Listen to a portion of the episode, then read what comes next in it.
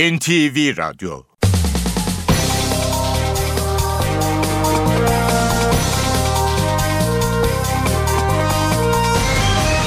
İşe Giderken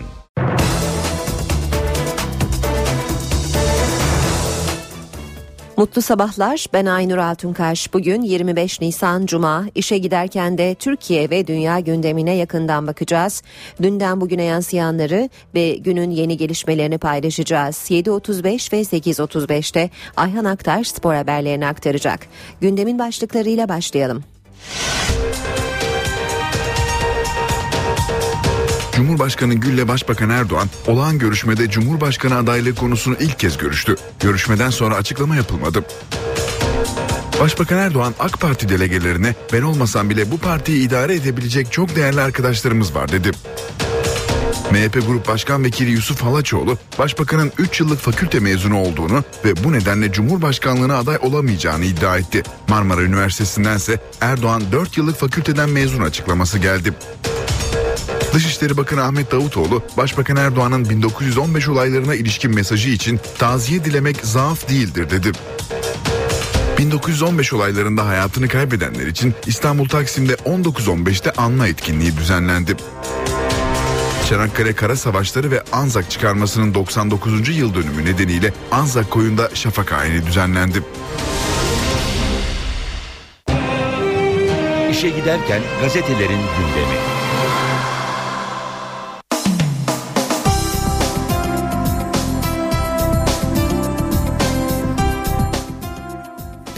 Gündemdeki gelişmelerin gazetelere nasıl yansıdığına bakalım. Milliyet gazetesiyle başlayalım. Artık top onlarda manşetiyle çıkmış Milliyet. 1915 olayları ile ilgili taziye mesajının arkasının geleceğini söyleyen Erdoğan, artık top onlarda diyerek Ermenistan'a da mesaj gönderdi.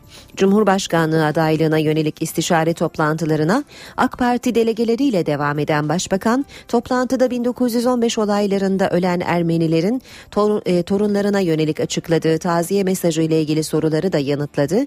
Artık top onlarda biz bütün dünyaya tavrımızı ortaya koyduk diyen Erdoğan insani ve vicdani yöndeki açılımların devam edeceğini söyledi.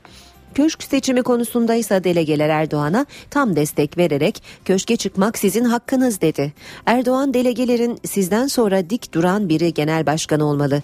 Başbakan emanetçi olmamalı. Uyarısına da partinin geleceği kişilere değil ilkelere bağlıdır. Ben olmasam bile partiyi idare edecek çok değerli arkadaşlar var yanıtını verdi. En etkili 100 kişiden biri Gül. Time dergisinin her yıl yayımladığı en etkili 100 kişi listesine Türkiye'den sadece Cumhurbaşkanı Gül girdi. Gül'ün tanıtım metnini kaleme alan yazar Elif Şafak, Gül önemli bir yol ayrımında. Sakin bir hayatı seçebilir ya da demokratikleşmeyi harekete geçirmek için aktif siyasete döner dedi. Derginin sitesindeki oylamada yer alan Başbakan Erdoğan ise editörler tarafından oluşturulan listede yer almadı. Bir diğer başlık yine milliyetten.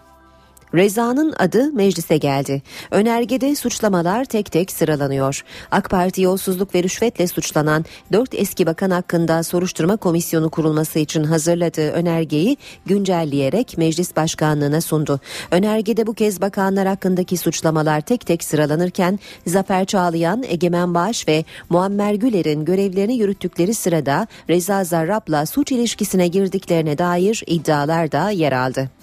Önerge 5 Mayıs'ta mecliste görüşülecek. İş kazalarına bir günde 6 kurban. Dünyada işçi ölümlerinde ilk sıralarda olan Türkiye dün de 6 işçisinin daha hayata veda edişine şahit oldu. Mithat Kocatepe, Metin Kaptan, İdris Kayna ve Seyit Sazak çalıştıkları binalara kurulan iskelelerden metrelerce aşağı düştü. Cuma Cılır ölçü almak için girdiği rende makinesinde parçalandı. Bahattin Bilgiç'in kafasına demir parçası isabet etti. Geçelim Hürriyet gazetesine Hemşin City direnişi diyor. Hürriyet manşette Rize Hemşin'de vatandaşın yeşil cenneti beton kente çevirecek projeyle mücadelesi sürüyor. Ancak daha mahkeme sonuçlanmadan ihalenin 20 Mayıs'ta yapılacağı açıklandı. Hemşin'de TOKİ ve belediye aleyhine ilk dava 2010'da açıldı. Mahkeme yürütmeyi durdurma ve iptal kararı verdi. 2011'de tüm Hemşin'in kentsel dönüşüm alanı ilan edilmesi için izin çıktı. Hemşinliler danış Danıştay'a gitti. Danıştay bilirkişi raporu istedi. Rapor gelmeden Bakanlar Kurulu acele kamulaştırma kararı aldı. Kasabalı yine Danıştay'a gitti. Danıştay yürütmeyi durdurdu. Tekrar bilirkişi raporu istedi. Belediye, Başbakanlık ve İçişleri itiraz etti ama reddedildi. Buna rağmen TOKİ ihale yapacağını duyurdu. Şimdi ne olacak kimse bilmiyor. Devam ediyoruz. Hürriyet gazetesinden haberler aktarmaya. Milletimizin güvencesiyiz. Anayasa Mahkemesi'nin kuruluşunun 52. yıl dönümü nedeniyle Başkan Haşim Kılıç ve üyeler Anıtkabir ziyaret etti. Kılıç özel deftere bireysel başvuru yolu sayesinde vatandaşların özgürlük alanını genişleten anlayışı, devletin ve milletin bölünmez bütünlüğüne olan sarsılmaz inancı ve kararlılığıyla milletimizin güvencesi olmaya devam edeceğimizi yineliyoruz mesajı verdi. Yine Metz Yegen dedi. Amerika Başkanı Obama 1915 olaylarının yıl dönümü sayılan 24 Nisan nedeniyle yayınladığı mesajda yine Metz Yegen büyük felaket dedi. Mesaj Metz Yegen'i anıyor ve 20. yüzyılın en kötü mezalimlerinden birinde hayatını kaybedenleri onurlandırıyoruz diye başladı. Sabah gazetesinde Sürmanşet eşi olmayan gönül alma. Erdoğan'ın taziye mesajını dünya alkışladı diyor. Sabah gazetesi ve dış basından bazı başlıklara yer veriyor. Manşetse vali memurdan emir alıyordu. İçişleri Bakanı Ala paralel yapının devlette nasıl yuvalandığını dehşet verici örneklerle açıkladı. Amir memurun emrine girmişti. AK Parti'de anket köşke kim çıksın? Büyük Kongre delegelerini toplayan Erdoğan Cumhurbaşkanı adayınız kim diye sordu. 5 saat süren toplantıda 3 dönem kuralı değişsin mi sorusu da yöneltildi. Söz alan delegelerin tümü Erdoğan'ı Çankaya'da görmek istediğini belirtti. Cumhuriyet gazetesi var sırada parti beni istiyor manşetini görüyoruz. Erdoğan'ın partideki istişareleri güle vereceği net mesaja hazırlık olarak yorumlanıyor. AKP kulisleri Erdoğan'la Gül'ün köşk konusundaki açıklamalarının şifrelerini çözmeye çalışıyor. Farklı bir düşüncesi olsaydı Gül'le görüşmeyi sona bırakmazdı denilen Erdoğan'ın parti beni istiyor mesajını hazırlandığı belirtiliyor. AKP'lilere göre bu koşullarda siyaset planım yok diyen Gül Çankaya'da kalmak istiyor. Açıklamalarıyla bu yolu zorluyor, güç denemesi yapıyor ve pazarlık marjını yükseltmeye çalışıyor.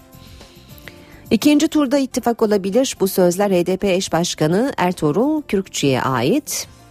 Kürkçü CHP'de CHP'den bizlerin de desteğini alacak. Örneğin Yaşar Kemal kimliğinde bir aday olabilir dedi. CHP kulislerinde ise hem MHP hem de HDP tarafından benimsenecek bir aday bulmanın güç olduğu belirtilirken iki kesimden biri tercih edilerek ittifaka gidilebileceği dile getiriliyor. Ermenistan'da karşılık Ermenistan'da karşılık bulmaz başlığı Cumhuriyet'te Erdoğan'ın taziyesini Batı incelemeye aldı. İçeride eleştiri var. Ankara taziye ile başta Washington ve diasporanın 1915 olaylarına bakışının değişmesini ve Erivan'ın görüşmeler için adım atmasını bekliyor açıklamayı önemseyen Batılı diplomatlar ancak bu Ermeni iddialarının sonunu getirmez görüşünde. Mesajı 100. yıl öncesi ön alma olarak yorumlayan Avrupa Birliği elçilerinin toplantı toplantısında Erdoğan köşk öncesi dünyaya ben buyum mesajı vermek istiyor görüşü de öne çıktı. Cumhuriyet'ten Utku Çakır Özer yazmış. Radikalle devam ediyoruz. Torunlara vatandaşlık diyor manşet. 1915 için ikinci adım. 1915'te can veren Ermeniler için taziye açıklayan hükümetin önünde göçe mecbur kalanların torunlarına vatandaşlık hakkı vermek var diye devam ediyor haber. Bariyerler Taksim'de bir avukat Taksim yasağını Anayasa Mahkemesi'ne götürdü. Polis bariyerleri Taksim'e taşıyor, Tomalar'da prova yapıyor. İstanbul'daki 1 Mayıs önlemleri Radikal Gazetesi'nde birinci sayfada. Ölenlere anma Erdoğan'a amin cevabı 1915'te yaşamını yitiren Ermeniler başta İstanbul olmak üzere birçok yerde anıldı. Türkiye Ermenileri Patrikliği Başbakanın hayatlarını kaybedenlerin huzur içinde yatmaları dileklerine amin diyoruz sözleriyle karşılık verdi. Star'da manşet cesur çıkış ezber bozdu. Ermeni meselesinde Türkiye ilk kez ön aldı. Gözler Erivan'da deniliyor. Star'ın manşet haberinde. 425 müfettiş koca kulak peşine düştü. İçişleri Bakanı hala telekulakçılara yönelik soruşturma ile ilgili çarpıcı rakamlar verdi. 425 müfettiş inceliyor. 839 personel soruştu için soruşturma var. 72 suç duyurusu yapıldı. Vatansever savcılara ihtiyaç var. Başbakan Yardımcısı Emrullah İşler 30 Mart seçimlerinde milletin paralel yapıyla mücadeleye destek mesajı verdiğini söyledi. İşler bu ülkenin vatansever savcılarının harekete geçmesi lazım dedi. Kenan Işık'tan iyi haber kendi seslendirdiği şiirlere tepki verdi. Geçirdiği beyin kanaması sonrası tedavisine devam edilen ünlü tiyatro sanatçısı, yönetmen, sunucu Kenan Işık'tan güzel haber geldi. Sanatçının eşi Beril Işık şiirlerini dinletiyoruz. Bilinci kapalı ama yüz ifadesi algıladığını gösteriyor dedi. Haber Türkiye bakalım teşekkür babadan diyor manşet. Ersevag'ı anma töreninde konuştu. Erdoğan'ın 1915 taziye mesajı tüm dünyada yankılandı. 3 yıl önce 24 Nisan günü askerde vurulan Ersevag'ın ailesi oğlunun mezarında başbakana teşekkür etti, bize sevinç verdi dedi. Aile baskısı öldürüyordu. Dayaktan kurtuldu, köprüden atladı. İstanbul'da 17 yaşındaki BK izinsiz evden çıktı diye babası tarafından dövüldü. Abiyi saçlarını kesti. Kilitlendiği tuvaletten kaçıp bir köprüden atlayan kızın üzerinden kamyon geçti. BK kurtuldu. Zaman gazetesi manşette hazine garantisi bazı şirketleri kayırmak için getirildi demiş. CHP'den sonra MHP de tepki gösterdi. Büyük ihale alan şirketlerin borcunu vatandaşın sırtına yükleyen hazine garantisine CHP'den sonra MHP'den de tepki geldi deniyor haberin devamında. MHP Genel Başkan Yardımcısı Ahmet Kenan Tanrıkulu düzenlemenin bazı firmaları kayırmak için yapıldığını söyledi. Yeni Şafak'ta manşet Dünya amin dedi. Dünya Başbakan Erdoğan'ın 1915 olayları ile ilgili taziye mesajını not etti. Amerika tarihi ve olumlu bir adım dedi. Avrupa Birliği ise barış çağrısını memnuniyetle karşıladı. Ermeni Patriği de Başbakanın dileklerine amin diyoruz açıklaması yaptı. Gündeme yakından bakmaya başlayalım işe giderken de Cumhurbaşkanı Abdullah Gül ve Başbakan Erdoğan dün haftalık olan görüşmede bir araya geldi. İlk kez Cumhurbaşkanı adaylığı konuşuldu. Çankaya Köşkü'ndeki görüşme 45 dakika sürdü. Görüşmeden sonra açıklama yapılmadı. Gül ve Erdoğan Cumhurbaşkanlığı adaylığını belirlemek için görüşmelerini sürdürecek. Erdoğan daha önce nihai açıklama için Mayıs sonunu işaret etmişti. Cumhurbaşkanı Abdullah Gül bu görüşme öncesinde Adana'daydı. Köşk seçimine değindi, kurallara saygı çerçevesinde tartışmalar doğal dedi. Önümüzdeki ilk seçim Cumhurbaşkanlığı ile ilgili seçim olacağı için bunun da kuralları gayet ortadadır, bellidir. Onun için bundan dolayı herhangi bir öngörüsüzlük, herhangi bir risk primi Türkiye'ye çıkmaması gerekir. Önemli olan kurallar belli ise bu kurallara saygı çerçevesi içerisinde tartışmaların olmasıdır. AK Parti Grup Başkan Vekili Nurettin Canikli ise yarı başkanlık sistemini gündeme taşıdı. Biz önümüzdeki Cumhurbaşkanlığı seçiminde aynı zamanda başbakanın yarısını da seçeceğiz. İcra yetkileri kullanacak, Başbakanlığın birçok yetkisini kullanacak olan bir cumhurbaşkanı seçeceğiz. Halk tarafından seçilen cumhurbaşkanı, seçilecek cumhurbaşkanı kim olursa olsun anayasada kendisine verilen yetkilerin tamamını kullanacaktır. Yarı başkanlık sistemine biz girdik ama onunla uyumlu birçok düzenlemenin daha yapılması gerekiyor. Onlar eksik kaldı. Parlamenter sisteme dönme imkanımız bu nedenle olmayacağına olmayacağına göre o zaman yarı başkanlık sisteminin eksik kalan ayaklarını birlikte modele katalım ve düzenleyelim sistemi. Nasıl olması gerekiyorsa. Başbakan Erdoğan olası Cumhurbaşkanı adaylığı konusunda istişarelerini sürdürüyor. Büyük Kongre delegeleriyle bir araya gelen başbakanın ben olmasam bile bu partiyi idare edebilecek çok değerli arkadaşlarımız var dediği öğrenildi. Toplantıda delegelerin çoğunluğu Erdoğan'ın adaylığını desteklediğini ifade etti.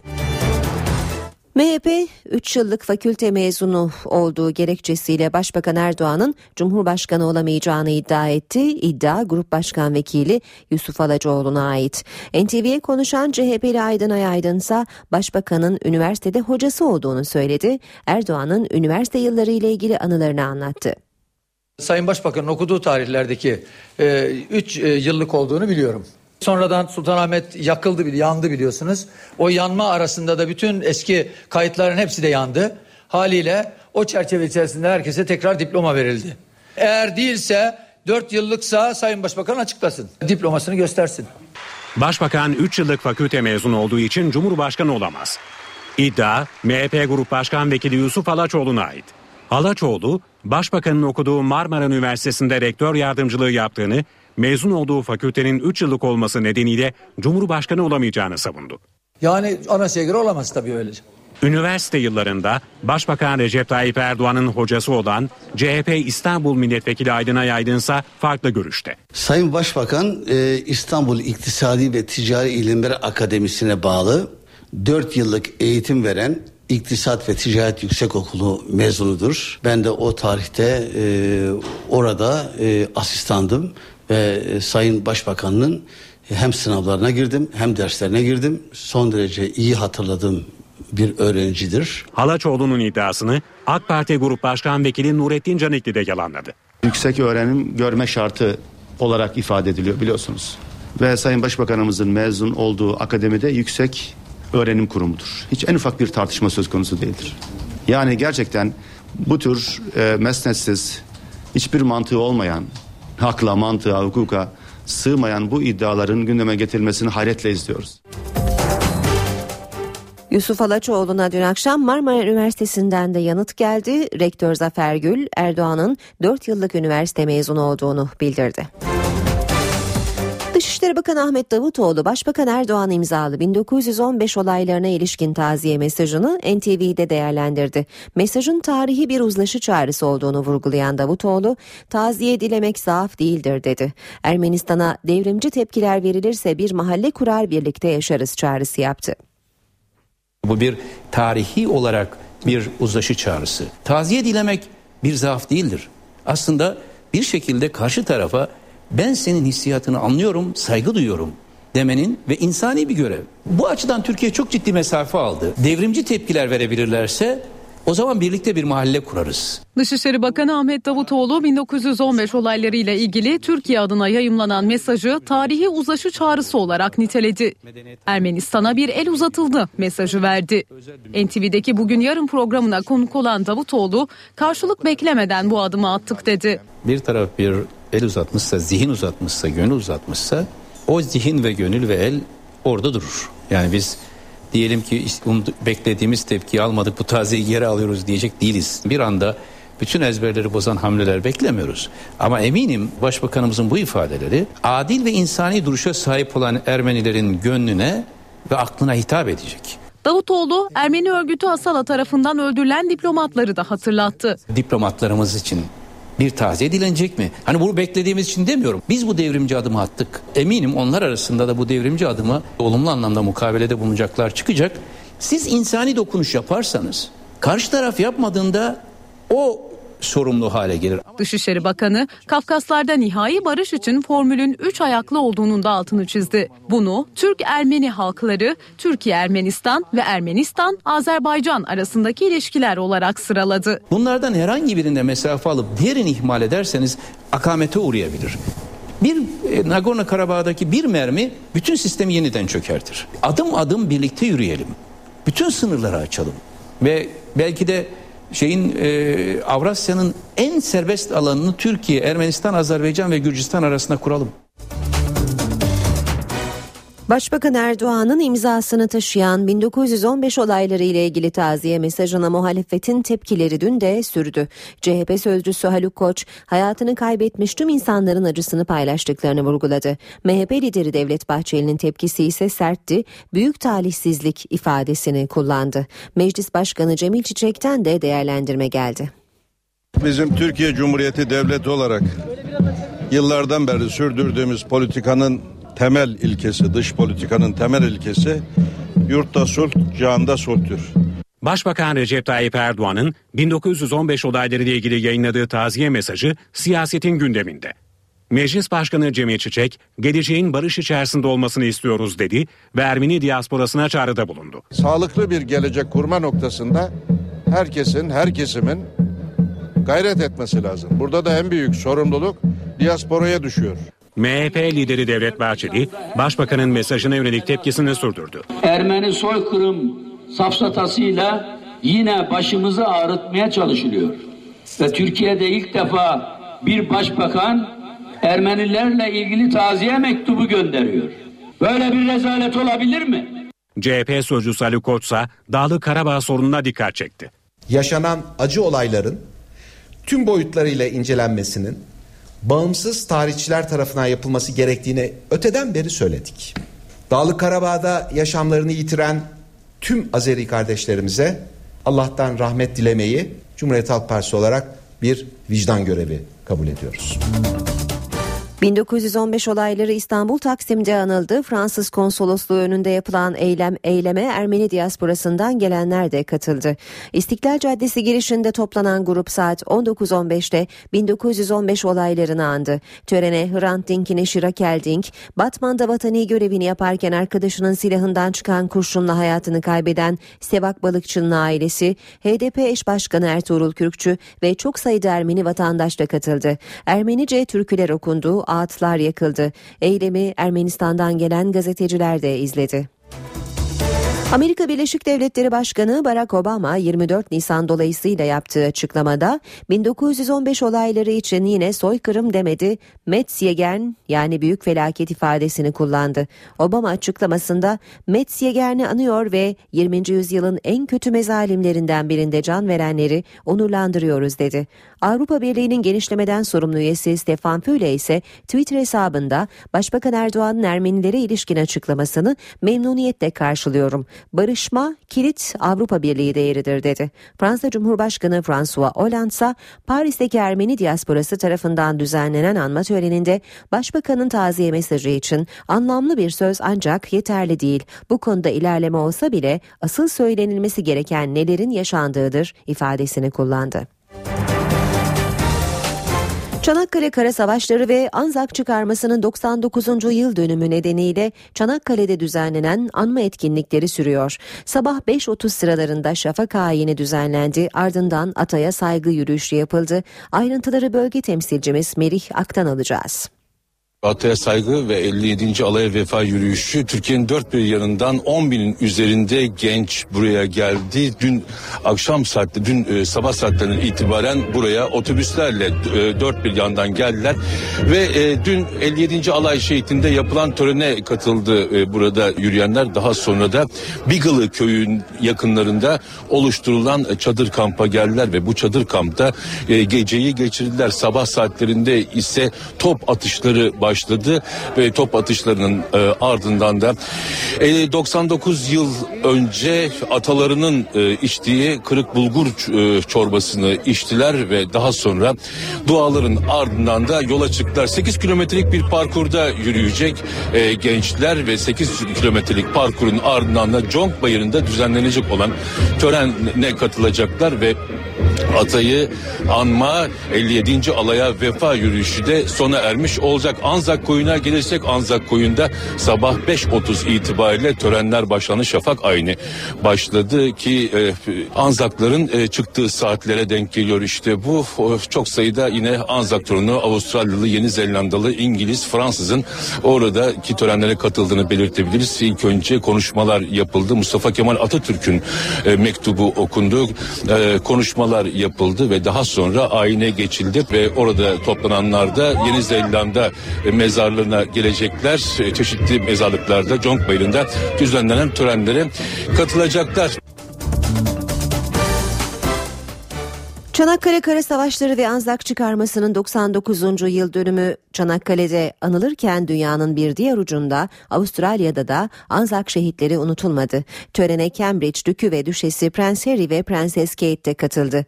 Avustralya'da yaklaşık 35 bin kişinin katıldığı anma töreni askerlerin geçit töreniyle başladı. Ardından Anzak şehitlerinin anıtına çelenk konu, çiçek konuldu. Törende şehitler için şiirler okundu. Sabaha karşı başlayan anma töreni havanın aydınlanmasıyla devam etti. Törende Avustralya Başbakanı Tony Abbott konuşma yaptı. 10 günlük ziyaret için Avustralya'da bulunan Prens Harry ve eşi Kate Middleton da törene katıldı. 1970 yılından bu yana ilk kez İngiliz kraliyet ailesi Avustralya'daki Anzac gününe katılmış oldu. Bundan 99 yıl önce 25 Nisan sabahı Anzak askerleri Gelibolu'ya ayak basmış ve binlercesi savaşta hayatını kaybetmişti. Cumhurbaşkanı Gül'le Başbakan Erdoğan olağan görüşmede Cumhurbaşkanı adaylığı konusunu ilk kez görüştü. Görüşmeden sonra açıklama yapılmadı. Başbakan Erdoğan AK Parti delegelerine ben olmasam bile bu partiyi idare edebilecek çok değerli arkadaşlarımız var dedi.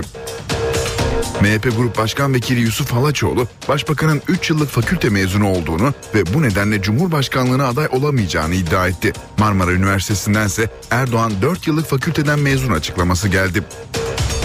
Dışişleri Bakanı Ahmet Davutoğlu, Başbakan Erdoğan'ın 1915 olaylarına ilişkin mesajı için taziye dilemek zaaf değildir dedi. 1915 olaylarında hayatını kaybedenler için İstanbul Taksim'de 19.15'te anma etkinliği düzenlendi.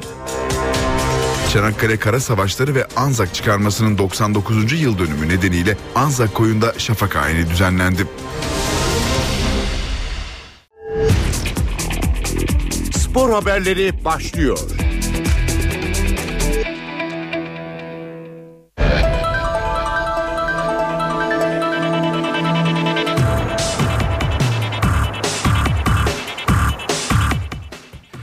Günaydın ben Ayhan Aktaş spor gündeminden gelişmelerle birlikteyiz. Spor Toto Süper Lig'de 31. hafta mücadelesi bugün oynanacak Gençler Birliği Bursa Spor maçıyla başlayacak. Lider Fenerbahçe'nin şampiyonluğunu ilan etmesi olasılığı bulunan ve 3 maçın seyircisiz oynanacağı haftanın programı şöyle. Bugün Gençler Birliği ile Bursa Spor arasında Ankara'da oynanacak maç saat 20'de başlayacak. Cumartesi programında da tek maç var. Saat 19'da Trabzonspor Gaziantep Spor kendi evinde ağırlayacak. Bu maç Trabzonspor'un cezası nedeniyle sadece kadın ve çocuk taraftarlar önünde oynanacak. 31. haftanın diğer kalan tüm maçları pazar günü oynanacak. Bu maçların başlama saati 19. Kayseri Spor, Kardemir Karabük Spor'u konuk ediyor. Torku Konya Spor, Akisar Belediye Spor'la Konya'da karşı karşıya gelecek. Eskişehir Spor, Kayseri Erciyes Sporu konuk edecek. Bu maçta yine Eskişehir Spor'un cezası nedeniyle sadece kadın ve çocuk taraftarlar önünde oynanacak.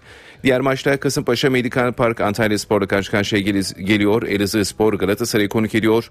Sivas Spor Beşiktaş'la haftanın en önemli maçında karşı karşıya gelecek. Ve diğer Karşılaşma ise Fenerbahçe ile Çaykur Rizespor arasında Kadıköy'de oynanacak. Bu maçta Fenerbahçe'nin cezası nedeniyle sadece kadın ve çocuk taraftarlar önünde oynanabilecek. Beşiktaş Başkanı Fikret Orman Şampiyonlar Ligi maçlarını yeni statlarında oynamak istediklerini söyledi. En büyük arzusunun Avrupa'da kupa kazanmak olduğunu belirten Başkan Orman, Beşiktaş'la Fernandes'in yollarının ayrılacağını belirtti. Beşiktaş Başkanı Fikret Orman Şampiyonlar Ligi maçlarını yeni statlarında oynamak istediklerini söyledi.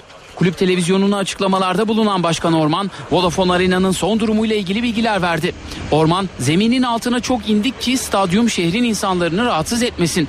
Bu ay sonu eski ismiyle kapalı tribünden çıkıp eski açık ve yeni açık tribüne ağırlık verilecek. Hızla gidiyoruz ancak tabii ki zorlanıyoruz diye konuştu. Stadyumun kulübün öz kaynaklarıyla yapıldığının altını çizen Orman, Şampiyonlar Ligi maçlarını yeni statlarında oynamayı çok istediklerini söyledi. Beşiktaş Başkanı Avrupa'nın en büyük kupasında mücadele etmek beni ve taraftarlarımızı heyecanlandırır. Bu dakikadan sonra söz futbolcularımızda. Hem Türk Sporu hem Beşiktaş için büyük işlere imza atmak istiyoruz. Avrupa'da kupa kazanmak en büyük arzum şeklinde konuştu. Diğer yandan Lig TV'ye de açıklamalarda bulunan Fikret Orman, Manuel Fernandez'le de sezon sonunda yollarını ayıracaklarını yineledi. Orman, Fernandez'le Beşiktaş'ın işi bitmiştir. Kesinlikle devam etmeyeceğiz. Profesyonellik anlamında doğru işler yaptığını düşünmüyorum dedi. Beşiktaş Başkanı Fikret Orman'ın kesinlikle devam etmeyeceğiz dediği Manuel Fernandez siyah beyazlı kulübe ihtarname çekti. Portekizli futbolcu henüz ödenmeyen Ocak ayı alacaklarını istiyor. Beşiktaş bir hafta içinde ödeme yapmazsa Fernandez sözleşmesini tek taraflı feshedebilecek. Manuel Fernandez Ocak ayı maaşını alamadığı için Beşiktaş kulübüne ihtarname çekti. Siyah beyazlı kulüp Fernandez'in maaşını bir hafta içinde yatırmazsa Portekizli futbolcu sözleşmesini tek taraflı olarak feshedecek. Beşiktaş kulübü sözleşmesi sona erecek olan Fernandez'le yeni mukavele imzalamak için bu sezon içinde görüşmelerde bulunmuş. Ancak Portekizli futbolcunun istediği yüksek yıllık ücret nedeniyle yeni bir anlaşma gerçekleşememişti.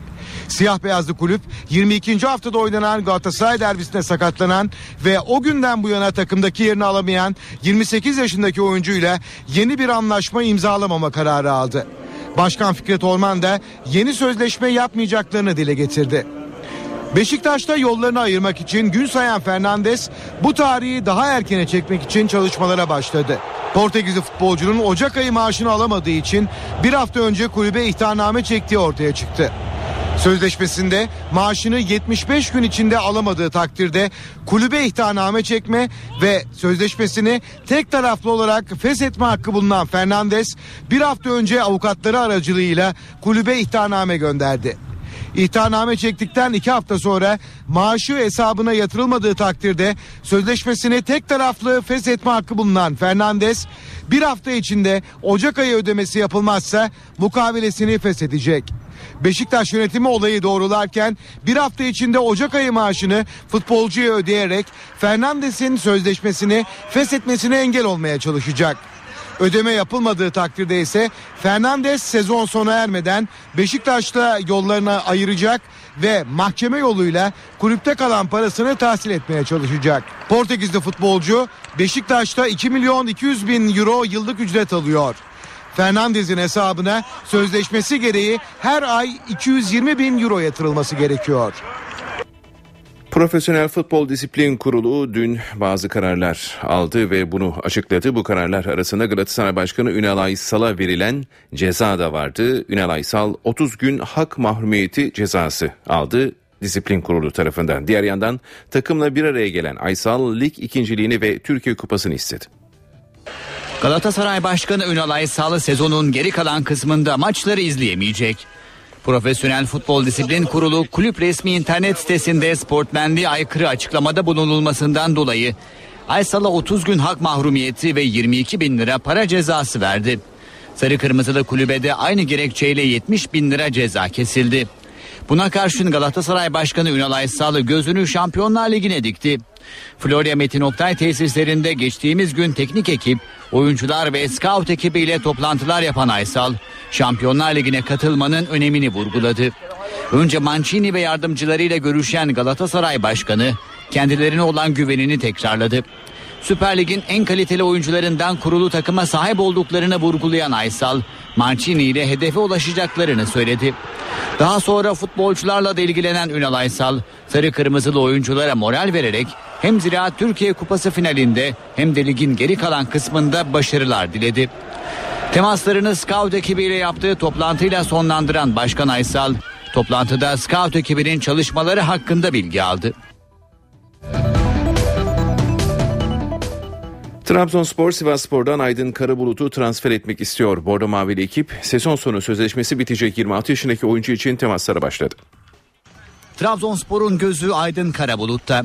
Bordo Mavililer Spor Toto Süper Lig'de ve yurt dışında sezon sonu sözleşmesi sona erecek olan futbolcuları yakın takibini sürdürüyor. İlk hedef Sivas Spor'la sezon sonu sözleşmesi sona erecek Aydın Karabulut. Trabzonspor yönetimi 26 yaşındaki kanat oyuncusunu kadrosuna katmak için temaslara başladı. Kırmızı Beyazlı ekipte 27'lik maçına çıkan Aydın 4 gol atıp 5 de asist yaptı. Öte yandan Gaziantep spor maçının hazırlıklarını sürdüren Trabzonspor'da sağ arka adalesinde ağrıları olan Mustafa Yumlu'nun durumu netlik kazanmadı. Karadeniz ekibinde sakatlığı nedeniyle ligin son haftasına yetişeceği açıklanan Özer Hurmacı ise takımdan ayrı çalışmasını sürdürüyor. Özer'in Galatasaray maçında oynaması bekleniyor. Bursa Spor yine ceza aldı. Profesyonel Futbol Disiplin Kurulu Yeşil Beyazlı Kulübe iki maç seyircisiz oynama cezası verdi. Bursa Spor Galatasaray'la oynadığı Sıra Türkiye Kupası maçının ardından saha olayları ve çirkin kötü tezahürat nedeniyle 3 maçla cezalandırılmıştı. Yeşil Beyazlılar ligdeki Elazığ Spor maçında çirkin ve kötü tezahüratın 7. kez tekrarı nedeniyle 2 maç daha ceza aldı. Ligin bitimine 4 hafta kala Bursa Spor'un cezası 5 maça çıktı. Sahasındaki Trabzonspor ve Gaziantep Spor maçlarını seyircisiz oynayacak Bursa Spor kalan 3 maçlık cezasını önümüzdeki sezon çekecek. Yabancı kısıtlamasında belirsizlik sürüyor. Fenerbahçe, Akisar Belediyespor ve Beşiktaş dışında 15 kulüp 6 artı 2 konusunda anlaşmaya vardı. Konuyla ilgili NTV Spor açıklamalarda bulunan Kulüpler Birliği Vakfı Başkanı Başkan Vekili Mesut Hoşcan son kararın 29 Nisan'da yapılacak toplantının ardından belli olacağını söyledi.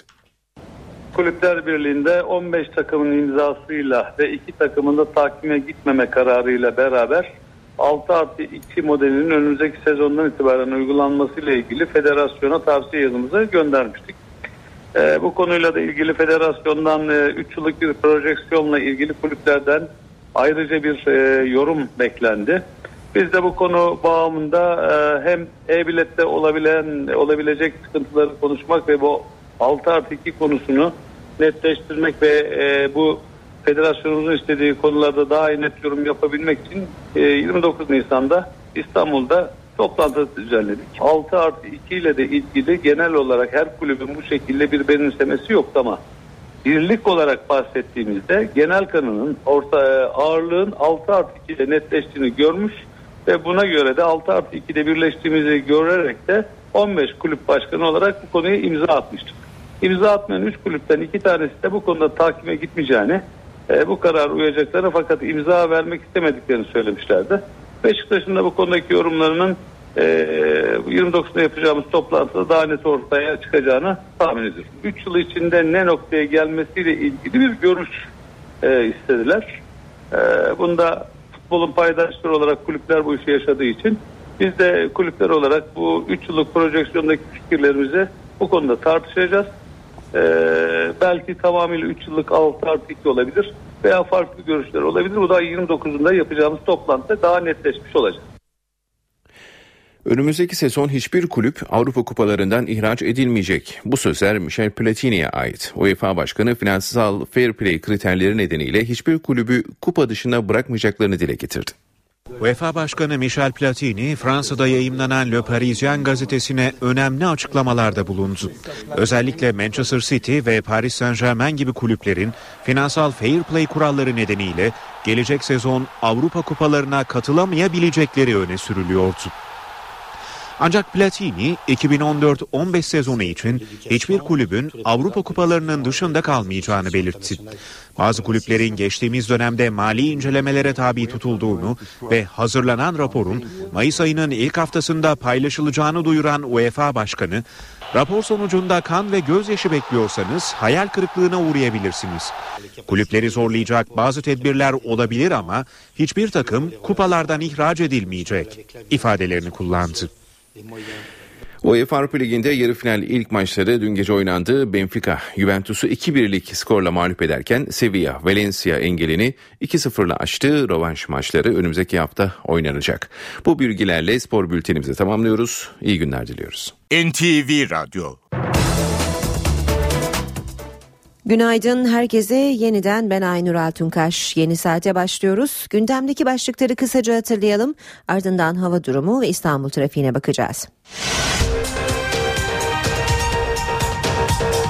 Cumhurbaşkanı Gül'le Başbakan Erdoğan olağan görüşmede Cumhurbaşkanı adaylığı konusunu ilk kez görüştü. Görüşmeden sonra açıklama yapılmadı.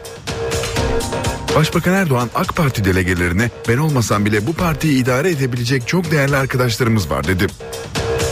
MHP Grup Başkan Vekili Yusuf Halaçoğlu, Başbakanın 3 yıllık fakülte mezunu olduğunu ve bu nedenle Cumhurbaşkanlığına aday olamayacağını iddia etti. Marmara Üniversitesi'nden ise Erdoğan 4 yıllık fakülteden mezun açıklaması geldi. Dışişleri Bakanı Ahmet Davutoğlu, Başbakan Erdoğan'ın 1915 olaylarına ilişkin mesajı için taziye dilemek zaaf değildir dedi. 1915 olaylarında hayatını kaybedenler için İstanbul Taksim'de 19.15'te anma etkinliği düzenlendi. Çanakkale Kara Savaşları ve Anzak çıkarmasının 99. yıl dönümü nedeniyle Anzak koyunda şafak ayini düzenlendi.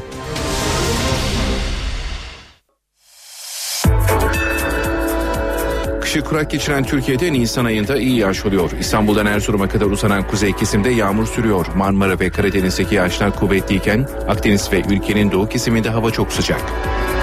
Beş büyük kentin hava koşullarına gelince İstanbul'da 3-4 gün daha hava açmayacak. Cuma yine kısa süre yağmur var. Dikkat hafta sonu da bazı ilçelerde kısa süre yağmur olasılığı var. Sıcaklık 16 dereceye doğru iniyor. Ankara 25 derece ama yağmur da var. İzmir'in iç kesimleri yine yağmurlu. Sıcaklık 24 derece. Pazar gününü ise kentin tamamı yağmurlu geçirecek. Bursa 4 gün yağmurlu. Adana'da yaz havası var. Sıcaklık 32 dereceye çıkıyor. Marmara 4 gün daha bahar sağanaklarının etkisinde yağmurun en az yağacağı gün cumartesi. Diğer günlerde ise Çanakkale, Bursa boyunca kuvvetli yağış var. Rüzgar kuzeyden estiğinden hava serinliyor. Sıcaklık 16-17'lere doğru gerileyecek. İç Anadolu'da sıcaklık bir gün daha çok yüksek 26 dereceyi buluyor ancak 3 gün daha Eskişehir, Ankara, Sivas boyunca bölgenin kuzeyinde ani sağanaklar var. Hafta sonu sıcaklık 4 derece azalıyor. Ege'de denizden uzak yerlerde yine ani yağmurlar görülecek. Pazar günü ise İzmir'den Bodrum'a bölgenin genelinde yağmur bekleniyor. Muğla 25 derece. Akdeniz'de hava şimdiden bunaltıcı olmaya başladı. Sahillerde 25-27 dereceyi bulan sıcaklık ve %70 nem oranı havayı yazdan farksız kılıyor. Güneydoğu'da yüksek sıcaklık ve çöl tozlarının etkisiyle sıkıntılı ve boğucu bir hava var. Gaziantep Şanlıurfa çevresine akşam kısa süre çamur şeklinde yağmur düşebilir. Doğu Anadolu'da hava bu aya göre çok sıcak. Erzurum 18, Malatya 26 derece. Ancak Erzurum ve Kars'ta bahar sağanakları da var. Karadenizliler dikkat. Sıcaklık yüksek 20 derecelerde ama bölgede kuvvetli yağmurlar etkili. Cuma günü Bolu, Kastamonu boyunca, pazarsa Samsun, Rize taraflarında yağış kuvvetli. Hafta sonu hava 4 derece daha serin. NTV Radyo Gündemde öne çıkan haberlere bakmaya devam ediyoruz. Cumhurbaşkanı Abdullah Gül ve Başbakan Erdoğan dün haftalık olan görüşmede bir araya geldi. İlk kez Cumhurbaşkanı adaylığı konuşuldu. Çankaya Köşkü'ndeki görüşme 45 dakika sürdü.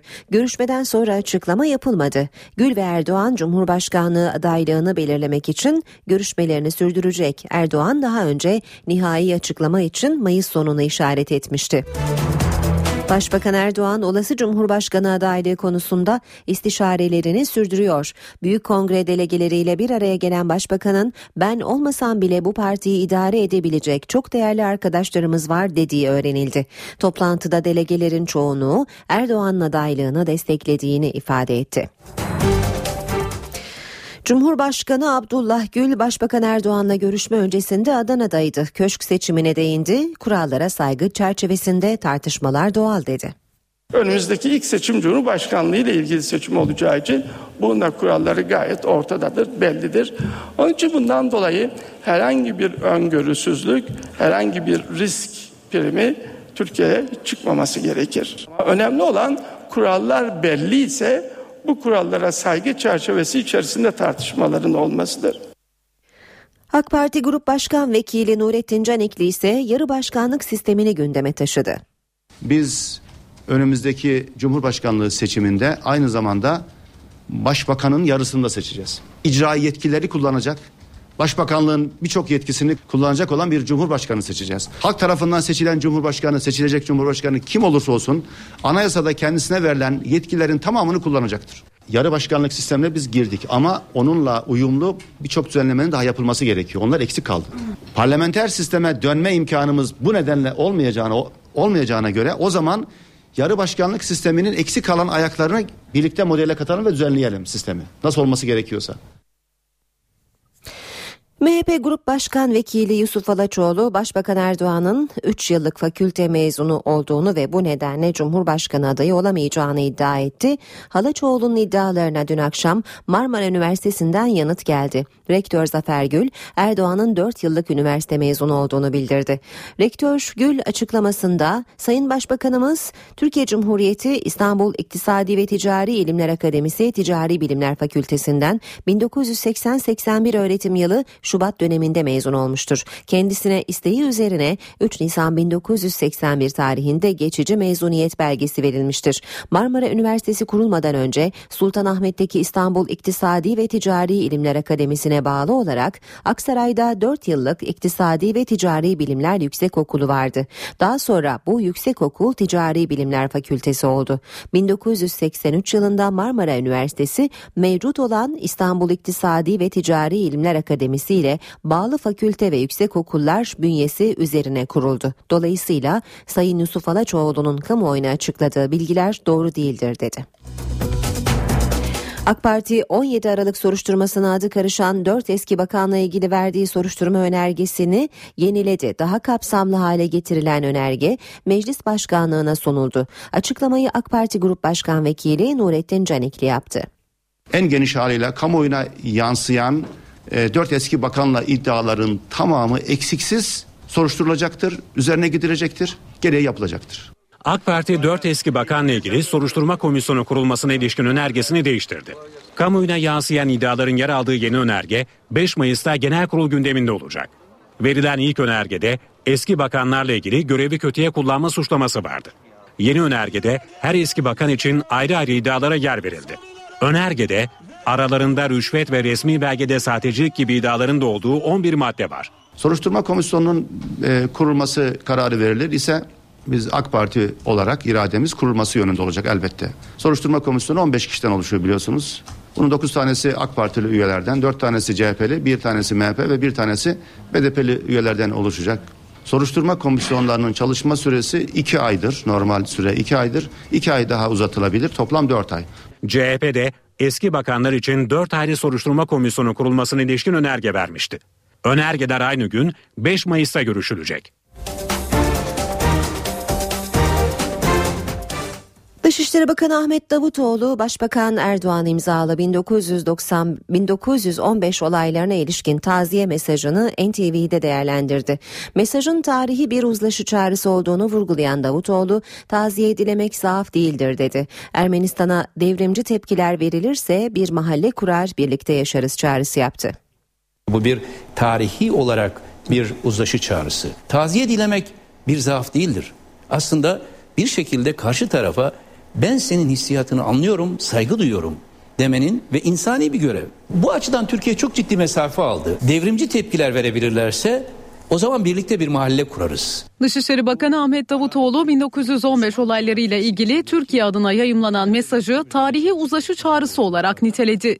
Ermenistan'a bir el uzatıldı mesajı verdi. NTV'deki Bugün Yarın programına konuk olan Davutoğlu karşılık beklemeden bu adımı attık dedi. Bir taraf bir el uzatmışsa, zihin uzatmışsa, gönül uzatmışsa o zihin ve gönül ve el orada durur. Yani biz diyelim ki beklediğimiz tepkiyi almadık bu tazeyi geri alıyoruz diyecek değiliz. Bir anda bütün ezberleri bozan hamleler beklemiyoruz. Ama eminim başbakanımızın bu ifadeleri adil ve insani duruşa sahip olan Ermenilerin gönlüne ve aklına hitap edecek. 1915 olayları 99. yıl dönümünde dün İstanbul Taksim'de anıldı. Fransız konsolosluğu önünde yapılan eyleme Ermeni diasporasından gelenler de katıldı. İstiklal Caddesi girişinde toplanan grup saat 19.15'te 1915 olaylarını andı. Törene Hrant Dink'in eşi Raquel Dink, Batman'da vatani görevini yaparken arkadaşının silahından çıkan kurşunla hayatını kaybeden Sevak Balıkçı'nın ailesi, HDP eş başkanı Ertuğrul Kürkçü ve çok sayıda Ermeni vatandaş da katıldı yapıldı.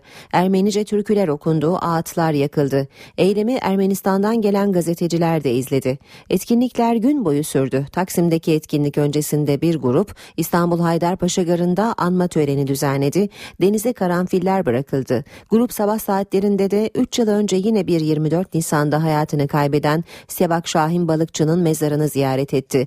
Baba Garabet Balıkçı anma töreninde Başbakanın 1915 mesajını sevinç verici olarak niteledi söyledi. Umarım devamı gelir dedi. Amerika Başkanı Barack Obama 24 Nisan dolayısıyla yaptığı açıklamada 1915 olayları için yine soykırım demedi, Metzjegern yani büyük felaket ifadesini kullandı. Obama açıklamasında Metzjegern'i anıyor ve 20. yüzyılın en kötü mezalimlerinden birinde can verenleri onurlandırıyoruz dedi. Avrupa Birliği'nin genişlemeden sorumlu üyesi Stefan Füle ise Twitter hesabında Başbakan Erdoğan'ın Ermenilere ilişkin açıklamasını memnuniyetle karşılıyorum. Barışma kilit Avrupa Birliği değeridir dedi. Fransa Cumhurbaşkanı François Hollande Paris'teki Ermeni diasporası tarafından düzenlenen anma töreninde Başbakanın taziye mesajı için anlamlı bir söz ancak yeterli değil. Bu konuda ilerleme olsa bile asıl söylenilmesi gereken nelerin yaşandığıdır ifadesini kullandı. Taksim'de 1 Mayıs tartışmaları sürüyor. İçişleri Bakanı Efkan Ala 1 Mayıs'ın Taksim'de kutlanmasına izin verilmeyecek izin verilmeyeceğini tekrarladı. Taksim'de ısrar eden KESK yönetimi ise dün Çalışma Bakanı Faruk Çelik'le bir araya geldi. Taksim miting alanı değildir. Ya istese de kamu otoritesi izin veriyorum vermiyorum diye bir cümle kuramaz. Çünkü orası miting alanı değil. Taksim'de 1 Mayıs kutlamalarına izin yok. Hükümet kararlı. Bu milletle e, didişmektir. Millete karşı milletin zarar göreceği şeyleri yapmak e, e, onu yapanlara zarar verir. Ancak 1 Mayıs'ı Taksim'de kutlamak isteyen işçi konfederasyonları da geri adım atmıyor. 1 Mayıs'a sayılı günler kala Çalışma ve Sosyal Güvenlik Bakanı Faruk Çelik, KESK ve Türk İş heyetiyle görüştü. Bakan Çelik, görüşmenin ardından Taksim'de anma var ama kitlesel eylem yok dedi. 1 Mayıs kutlamaları çerçevesinde 1977 yılında yaşanan o müessif ve acı olay hepimiz tarafından lanetleniyor. Bu acı tabloyu unutturmayalım. Eyvallah. Ama kitlelerin, büyük kitlelerin geldiği, yüz binlerin katıldığı toplantılar da artık Taksim Meydanı gibi, Kızılay Meydanı gibi alanlarda e, yapmama konusunda idarenin eğer bir görüşü, bir bakışı, bir e, düşüncesi var ise e, buna da saygı duymak gerekiyor. İstanbul Emniyeti ise Taksim Meydanı ve çevresinde 1 Mayıs için önlem almaya başladı. Kamyonlarla getirilen polis bariyerleri meydan çevresine bırakıldı. Taksim'de 1 Mayıs yasağı Anayasa Mahkemesi'ne de taşındı. Ankara Barosu'na bağlı bir avukat, telafisi imkansız toplumsal olayların önlenmesi için Anayasa Mahkemesi'nden yasağın kaldırılması yönünde ivedilikle karar vermesini istedi.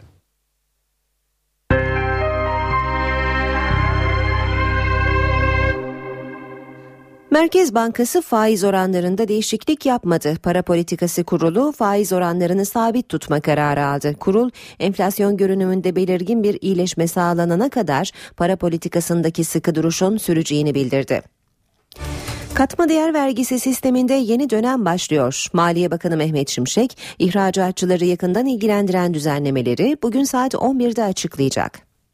Maliye Bakanı Mehmet Şimşek'in duyurduğu düzenleme 100 bine yakın ihracatçıyı ilgilendiriyor.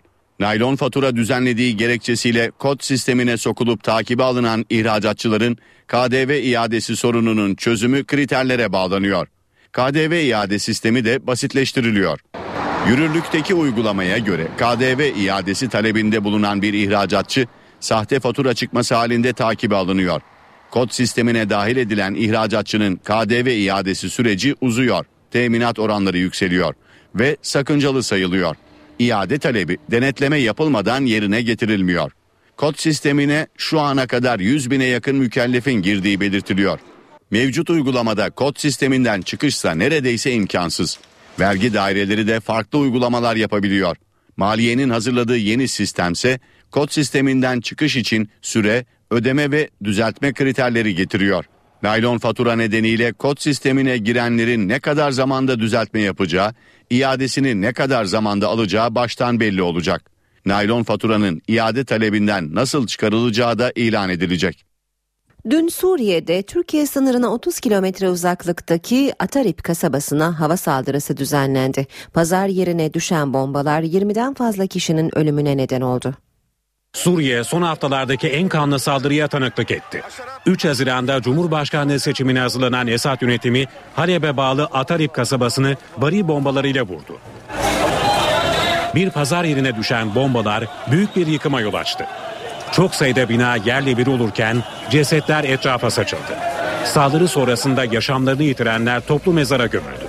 Suriye'de 3 yıl önce barışıl gösterilerle başlayan ardından çatışmaya dönen şiddet sarmalında 150 binden fazla kişinin yaşamını yitirdiği tahmin ediliyor. Suriye'deki iç savaştan 9 milyondan fazla insanın etkilendiği belirtiliyor. Saat 8.24 işe giderken de sırayı başkent gündemi alıyor ve karşımızda NTV muhabiri Miray Aktağ Uluç var. Miray günaydın. Günaydın Aynur. Cumhurbaşkanı adaylığı tartışmaları, Başbakan Erdoğan'ın 1915 olayları ile ilgili mesajı 1 Mayıs tartışmalarıyla haftayı bitirmek üzereyiz. Neler söyleyeceksin Cuma gününden? Bu tartışmaların hepsi gündemin ilk sıralarında ama bugün başkentte gözler Anayasa Mahkemesi'nin 52. kuruluş yıl dönümü töreninde olacak. Törene Cumhurbaşkanı Abdullah Gül, Meclis Başkanı Cemil Çiçek, Başbakan Recep Tayyip Erdoğan ve Cumhuriyet Halk Partisi Genel Başkanı Kemal Kılıçdaroğlu da katılacak. Anayasa Mahkemesi Başkanı Haşim Kılıç bir konuşma yapacak o törende. Son dönemde Başbakan başta olmak üzere hükümet kanadından gelen Anayasa Mahkemesi eleştirilerinin ardından Haşim Kılıç devletin zirvesiyle ilk kez bir araya gelecek. Haşim Kılıç'ın konuşmasındaki mesajlarda basın mensupları tarafından yakından takip edilecek. Ayrıca Cumhurbaşkanı Gül'le Başbakan Erdoğan da dün Çankaya Köşkü'nde yapılan Cumhurbaşkanlığı seçimi gündemli toplantının ardından ilk kez aynı platformda basının karşısına çıkacaklar. Anayasa Mahkemesi'nin kuruluş yıl dönümü töreninin ardından Cumhurbaşkanı Abdullah Gül Çankaya Köşkü'ne geçecek. Etiyopya ve Panama büyükelçilerinin güven mektuplarını kabul edecek. Basına açık bir program bu. Cumhurbaşkanına soru sorulma imkanı da olacak ve sorulacak soruların en başında elbette Cumhurbaşkanlığı seçimi var. Törenin ardından Başbakan Erdoğan İstanbul'a geçecek ve İmam Hatip okullarının kutlu doğum programına katılacak. Gündemde öne çıkan diğer başlıklara gelince Dışişleri Bakanı Ahmet Davutoğlu Sudan Dışişleri Bakanı ile görüşecek ve ardından iki mevkidaş ortak basın toplantısı düzenleyecekler. Davutoğlu'nun bu arada gazetecilerin soruları üzerine 1915 olaylarına ilişkin Başbakanın mesajına yönelik son tepkileri Suriye ve Ukrayna ile ilgili son gelişmeleri de değerlendirmesini bekliyoruz. Maliye Bakanı Mehmet Şimşek ise KDV iadeleriyle ilgili bir basın toplantısı düzenleyecek. Bakan Şimşek KDV iade sisteminde önemli bir yeniliği de duyurmuş olacak. Başkent Ankara'dan haftanın son iş gününde öne çıkan başlıklar özetle bu şekilde Aynur. Miray teşekkürler. Başkent gündemini Miray Akta Uluç aktardı. Şimdi sırada Ayşe teyze ne yapsın köşesi var. Profesör Doktor Güngör Uras bugün İstanbul'a gelen turistleri anlatacak. Ayşe teyze ne yapsın? Güngör Uras, Ayşe teyze ekonomide olan biteni anlatıyor. Merhaba sayın dinleyenler, merhaba Ayşe Hanım teyze, merhaba Ali Rıza Bey amca. İstanbul'a 2013 yılında 15 milyona yakın turist geldi. Bu sayıyla İstanbul dünyanın en fazla turist çeken 7. şehri oldu. Birincilik 17-18 milyon turist ile Londra'da Londra'yı Paris, Paris'i Antalya izliyor. Antalya dünyanın en fazla turist çeken 3. şehri durumunda. Antalya'dan sonra arada Hong Kong, Singapur ve Hong Kong'dan sonra da İstanbul var. İstanbul 11 milyon turist ile dünyanın 7. en fazla turist çeken şehri. İstanbul'a gelen turist sayısı 2013 yılında %12 oranında arttı. Turistlerin çok büyük bir bölümü hava yoluyla geliyor. Deniz yoluyla gelen turist sayısı 600 bini geçmiyor. İstanbul'u en çok Almanlar seviyor. 2013 yılında en çok gelen Alman turistlerinden sonra sırayla gelen turistlere Ruslar ikinci sırada, üçüncü sırada Amerikalılar var. Sonra sırasıyla Fransızlar, İngilizler, İtalyanlar geliyor. Son yıllarda İstanbul'a gelen Arap turistlerinin sayısı arttı ama gelen her 100 turistin sadece 16-17'si Arap ülkelerinden gelen turistler. İstanbul'da şimdilerde toplam 580 turistik tesiste 135 bin yatak var. Bunlara ek olarak şehir içinde butik otel ve pansiyon yatırımlarının sayısı da giderek artıyor. Bir başka söyleşi de birlikte olmak ümidiyle şen ve esen kalınız sayın dinleyenler. Güngör Uras'a sormak istediklerinizi ntvradio.ntv.com.tr adresine yazabilirsiniz.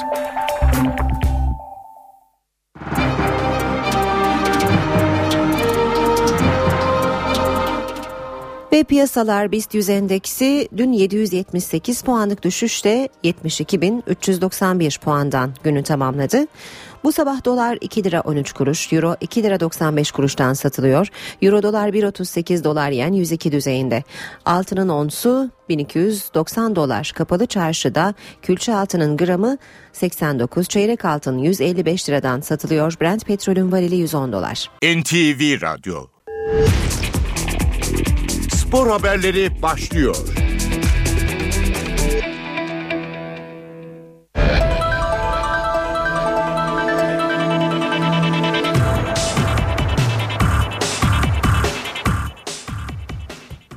Günaydın ben Ayhan Aktaş. Spor gündeminden gelişmelerle birlikteyiz. Spor Toto Süper Lig'de 31. hafta mücadelesi bugün oynanacak. Gençler Birliği Bursa Spor maçıyla başlayacak. Lider Fenerbahçe'nin şampiyonluğunu ilan etmesi olasılığı bulunan ve 3 maçın seyircisiz oynanacağı haftanın maç programı şöyle. Haftanın açılış maçı Ankara'da Gençler Birliği Bursa Sporu konuk edecek. Maçın başlama saati 20.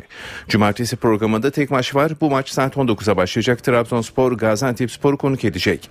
Bu maç Trabzonspor'un cezası nedeniyle sadece kadın ve çocuk taraftarlar önünde oynanabilecek.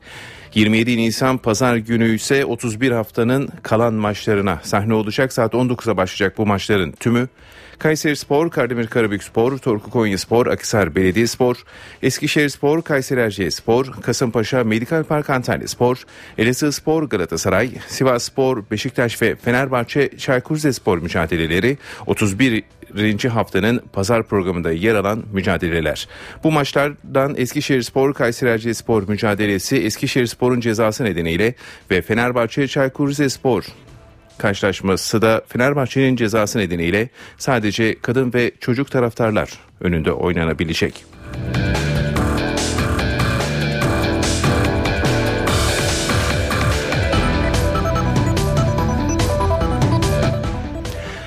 Beşiktaş Başkanı Fikret Orman Şampiyonlar Ligi maçlarını yeni statlarında oynamak istediklerini söyledi. En büyük arzusunun Avrupa'da kupa kazanmak olduğunu belirten Başkan Orman, Beşiktaş'la Fernandes'in yollarının ayrılacağını belirtti. Beşiktaş Başkanı Fikret Orman Şampiyonlar Ligi maçlarını yeni statlarında oynamak istediklerini söyledi. Kulüp televizyonuna açıklamalarda bulunan Başkan Orman, Vodafone Arena'nın son durumuyla ilgili bilgiler verdi. Orman, zeminin altına çok indik ki stadyum şehrin insanlarını rahatsız etmesin. Bu ay sonu eski ismiyle kapalı tribünden çıkıp eski açık ve yeni açık tribüne ağırlık verilecek. Hızla gidiyoruz ancak tabii ki zorlanıyoruz diye konuştu. Stadyumun kulübün öz kaynaklarıyla yapıldığının altını çizen Orman, Şampiyonlar Ligi maçlarını yeni statlarında oynamayı çok istediklerini söyledi. Beşiktaş Başkanı Avrupa'nın en büyük kupasında mücadele etmek beni ve taraftarlarımızı heyecanlandırır. Bu dakikadan sonra söz futbolcularımızda. Hem Türk Sporu hem Beşiktaş için büyük işlere imza atmak istiyoruz.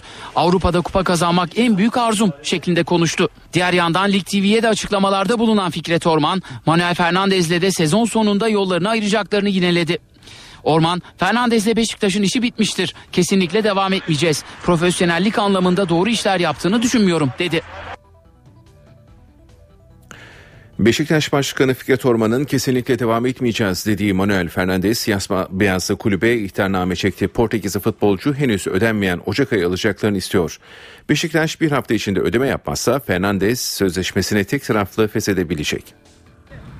Manuel Fernandes Ocak ayı maaşını alamadığı için Beşiktaş kulübüne ihtarname çekti. Siyah beyazlı kulüp Fernandez'in maaşını bir hafta içinde yatırmazsa Portekizli futbolcu sözleşmesini tek taraflı olarak feshedecek. Beşiktaş kulübü sözleşmesi sona erecek olan Fernandez'le yeni mukavele imzalamak için bu sezon içinde görüşmelerde bulunmuş. Ancak Portekizli futbolcunun istediği yüksek yıllık ücret nedeniyle yeni bir anlaşma gerçekleşememişti.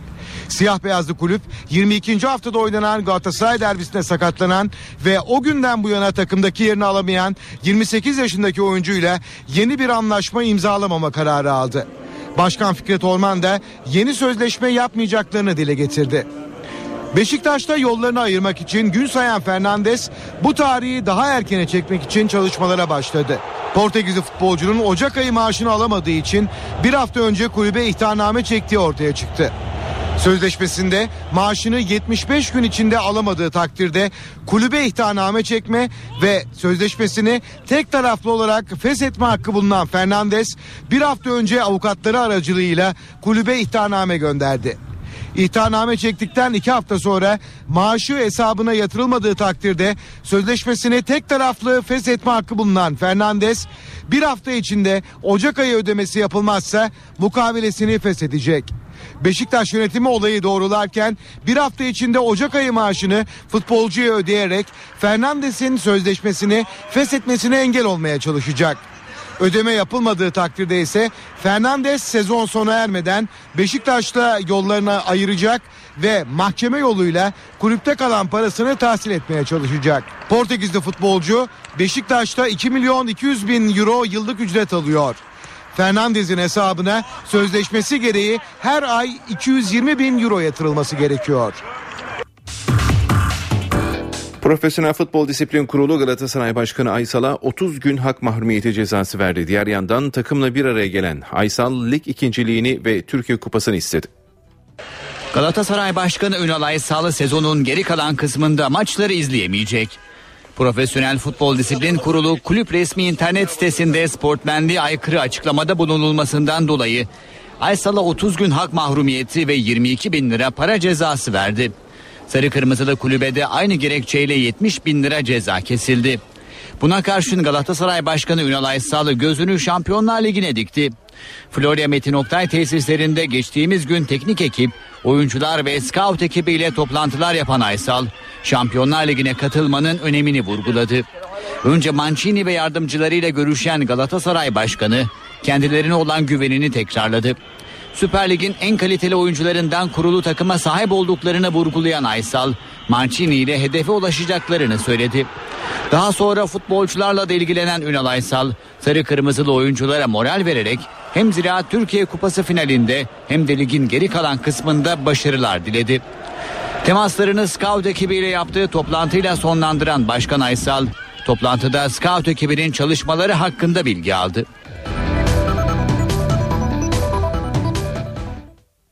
Trabzonspor Sivasspor'dan Aydın Karabulut'u transfer etmek istiyor. Bordo Mavili ekip sezon sonu sözleşmesi bitecek 26 yaşındaki oyuncu için temaslara başladı. Trabzonspor'un gözü Aydın Karabulut'ta. Bordo Mavililer Spor Toto Süper Lig'de ve yurt dışında sezon sonu sözleşmesi sona erecek olan futbolcuları yakın takibini sürdürüyor. İlk hedef Sivas Spor'la sezon sonu sözleşmesi sona erecek Aydın Karabulut. Trabzonspor yönetimi 26 yaşındaki kanat oyuncusunu kadrosuna katmak için temaslara başladı. Kırmızı Beyazlı ekipte 27'lik maçına çıkan Aydın 4 gol atıp 5 de asist yaptı. Öte yandan Gaziantep spor maçının hazırlıklarını sürdüren Trabzonspor'da sağ arka adalesinde ağrıları olan Mustafa Yumlu'nun durumu netlik kazanmadı. Karadeniz ekibinde sakatlığı nedeniyle ligin son haftasına yetişeceği açıklanan Özer Hurmacı ise takımdan ayrı çalışmasını sürdürüyor. Özer'in Galatasaray maçında oynaması bekleniyor. Bursa Spor yine ceza aldı. Profesyonel Futbol Disiplin Kurulu Yeşil Beyazlı Kulübe iki maç seyircisiz oynama cezası verdi. Bursa Spor Galatasaray'la oynadığı Zira Türkiye Kupası maçının ardından saha olayları ve çirkin kötü tezahürat nedeniyle 3 maçla cezalandırılmıştı. Yeşil Beyazlılar ligdeki Elazığ Spor maçına çirkin ve kötü tezahüratın 7. kez tekrarı nedeniyle 2 maç daha ceza aldı. Ligin bitimine 4 hafta kala Bursa Spor'un cezası 5 maça çıktı. Sahasındaki Trabzonspor ve Gaziantep Spor maçlarını seyircisiz oynayacak Bursa Spor kalan 3 maçlık cezasını önümüzdeki sezon çekecek. Yabancı kısıtlamasında belirsizlik sürüyor. Fenerbahçe, Akhisar Belediyespor ve Beşiktaş dışında 15 kulüp 6 artı 2 konusunda anlaşmaya vardı. Konuyla ilgili NTV Spor açıklamalarda bulunan Kulüpler Birliği Vakfı Başkan Vekili Mesut Hoşcan, son kararın 29 Nisan'da yapılacak toplantının ardından belli olacağını söyledi. Kulüpler Birliği'nde 15 takımın imzasıyla ve iki takımın da takime gitmeme kararıyla beraber 6 artı 2 modelinin önümüzdeki sezondan itibaren uygulanmasıyla ilgili federasyona tavsiye yazımızı göndermiştik. Ee, bu konuyla da ilgili federasyondan 3 e, yıllık bir projeksiyonla ilgili kulüplerden ayrıca bir e, yorum beklendi. Biz de bu konu bağımında e, hem e-bilette olabilen olabilecek sıkıntıları konuşmak ve bu 6 artı 2 konusunu netleştirmek ve e, bu federasyonumuzun istediği konularda daha iyi net yorum yapabilmek için e, 29 Nisan'da İstanbul'da toplantı düzenledik. 6 artı 2 ile de ilgili genel olarak her kulübün bu şekilde bir benimsemesi yok ama birlik olarak bahsettiğimizde genel kanının orta e, ağırlığın 6 artı 2 ile netleştiğini görmüş ve buna göre de 6 artı 2'de birleştiğimizi görerek de 15 kulüp başkanı olarak bu konuya imza atmıştık. İmza atmayan 3 kulüpten 2 tanesi de bu konuda takime gitmeyeceğini, e, bu karar uyacaklarını fakat imza vermek istemediklerini söylemişlerdi. Beşiktaş'ın da bu konudaki yorumlarının e, 29'da yapacağımız toplantıda daha net ortaya çıkacağını tahmin ediyorum. 3 yıl içinde ne noktaya gelmesiyle ilgili bir görüş e, istediler. E, bunda futbolun paydaşları olarak kulüpler bu işi yaşadığı için biz de kulüpler olarak bu 3 yıllık projeksiyondaki fikirlerimizi bu konuda tartışacağız. Ee, belki tamamıyla 3 yıllık 6 artı 2 olabilir veya farklı görüşler olabilir. Bu da 29'unda yapacağımız toplantıda daha netleşmiş olacak. Önümüzdeki sezon hiçbir kulüp Avrupa kupalarından ihraç edilmeyecek. Bu sözler Michel Platini'ye ait. UEFA Başkanı finansal fair play kriterleri nedeniyle hiçbir kulübü kupa dışına bırakmayacaklarını dile getirdi. UEFA Başkanı Michel Platini, Fransa'da yayımlanan Le Parisien gazetesine önemli açıklamalarda bulundu. Özellikle Manchester City ve Paris Saint Germain gibi kulüplerin finansal fair play kuralları nedeniyle gelecek sezon Avrupa kupalarına katılamayabilecekleri öne sürülüyordu. Ancak Platini 2014-15 sezonu için hiçbir kulübün Avrupa kupalarının dışında kalmayacağını belirtti. Bazı kulüplerin geçtiğimiz dönemde mali incelemelere tabi tutulduğunu ve hazırlanan raporun Mayıs ayının ilk haftasında paylaşılacağını duyuran UEFA Başkanı, rapor sonucunda kan ve gözyaşı bekliyorsanız hayal kırıklığına uğrayabilirsiniz. Kulüpleri zorlayacak bazı tedbirler olabilir ama hiçbir takım kupalardan ihraç edilmeyecek ifadelerini kullandı. UEFA Avrupa Ligi'nde yarı final maçları dün gece oynandı. Benfica Juventus'u 2-1'lik skorla mağlup ederken Sevilla Valencia engelini 2-0'la aştı. Rövanş maçları önümüzdeki hafta oynanacak. Basketbola geçelim.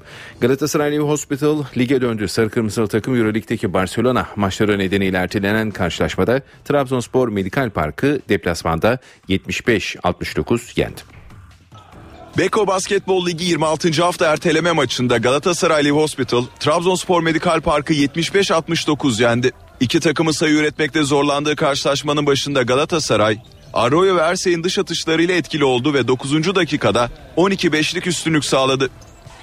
Ev sahibi takım Randall ve Cooley ile karşılık verse de ilk çeyreği sarı kırmızılılar 12-11 önde kapadı.